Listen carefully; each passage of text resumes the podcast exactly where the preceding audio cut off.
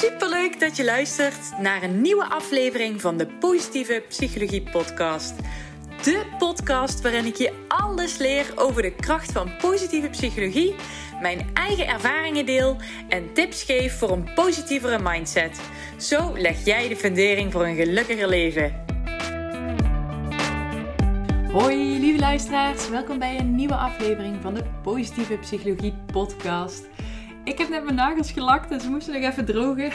dus ik dacht, wat ga ik doen zodat ik ervoor zorg dat ik stil zit. Uh, ik dacht, ik ga even een podcastje opnemen. Altijd leuk. Uh, ik heb vorige week echt een super spannende stap gezet. Of een, eigenlijk een knoop doorgehakt. En namelijk om te stoppen met het begeleiden van mensen aan huis in het weekend. Naast mijn fulltime baan uh, ben ik nu elke avond aan het coachen. Uh, en het weekend begeleid ik dan nog de cliënten. Door de week ook nog. Ehm, en ik trok dat eigenlijk altijd prima, maar nu ik elke avond bezig ben, merk ik dat het wel een klein beetje te veel aan het worden is. Omdat ik eh, normaal ging s'avonds lekker wat rommelen of lekker in bad liggen. Ja, dat gaat nou niet meer. Dus uh, ik heb die rust echt ergens nodig. Dus uh, financieel een hele spannende stap. Uh, dat is een groot deel van mijn uh, ZZP-inkomen, zou ik maar zeggen. Uh, dat dan daarmee vervalt. En ehm, ja, het is een gok, maar anderzijds denk ik wel, uh, ik krijg er heel veel rust uh, en vrijheid voor terug. En dat is ook wat waard. En die tijd kan ik dan weer gebruiken om een podcast naar een hoger niveau te trekken, mijn Instagram pagina, mijn coaching, uh, te investeren in mijn eigen bedrijf. Dus ja, het, het, het kost me wat. maar het levert me aan de andere kant ook heel veel fijns op. Dus toch besloten ervoor te gaan. Per 1 juli heb ik afgesproken met de budgethouder. Ik heb één cliënt uh, waarbij ik uh, ieder weekend werk. En uh, ik wilde die budgethouder natuurlijk ook niet onder druk zetten. Want ik denk, ja, het is al lastig om aan een nieuwe begeleider of aan een nieuwe zorgverlener te komen. Dus um, ik dacht, nou, ik geef hun ruim de tijd om een andere begeleider te zoeken. En mochten ze eerder iemand hebben gevonden, is dat natuurlijk mooi meegenomen. En zo niet, uh, blijf ik in ieder geval tot 1 juli. Dus uh, ja, dat was mijn grote doel van uh, eh, 2021. Om te gaan stoppen met werken in het weekend. Omdat ik ja, langzaam maar zeker toch begon te merken dat het iets te veel aan het worden was. En ik heb dat alle jaren met super veel plezier gedaan. Ik stop ook echt niet omdat ik het niet leuk vind. En ik, ja, het doet ook met pijn in mijn hart eigenlijk. Het is nooit leuk om een cliënt waar je aan gehecht geraakt bent, om die los te laten. Maar... Um, op de lange termijn is het beter voor mezelf. Dus ja, het toch gekozen de stekker eruit te trekken. Ah, spannend. Goed, um, vandaag wil ik het met je gaan hebben over habit stacking. Habit stacking, uh, daar heb ik het uitgebreid over in Breaking the Habit. Maar ik wil jou vandaag de basistechniek gaan leren, omdat ik zeker weet dat je iets kan bedenken waarbij je dit nu al zou kunnen toepassen.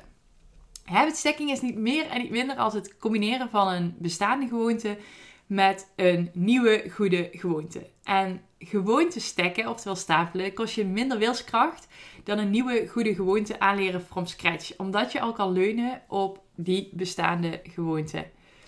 Je hebt op dit moment echt al heel veel gewoontes, ook goede gewoontes, waar je je niet bewust van bent. Bijvoorbeeld elke dag douchen of elke ochtend een kop koffie pakken.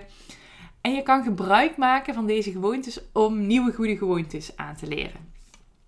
De formule van habit stacking is voor, na of na de huidige gewoonte zal ik nieuwe gewoonte.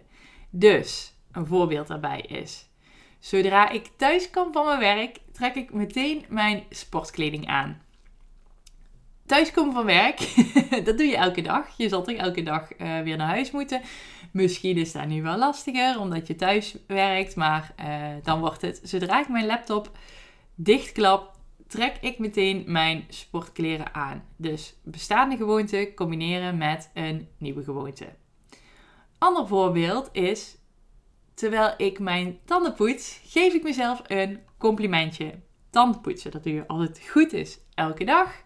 Dus terwijl je aan het tandenpoetsen bent, ga je jezelf een complimentje geven.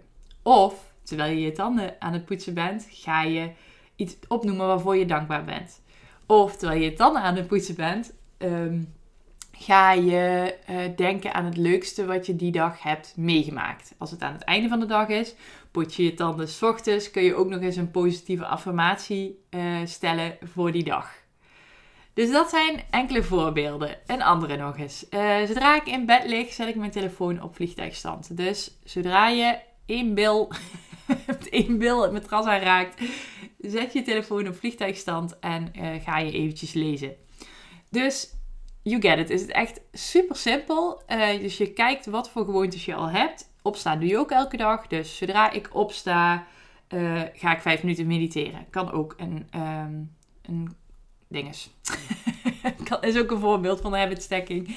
Um, deze methode werkt echt fantastisch. Omdat de eerste gewoonte al in je hersenen geprogrammeerd is. En je hebt patronen en gedragingen die in de loop der jaren versterkt zijn. Puur omdat je ze elke dag tot in de treur herhaalt. Vaak zelfs nog onbewust.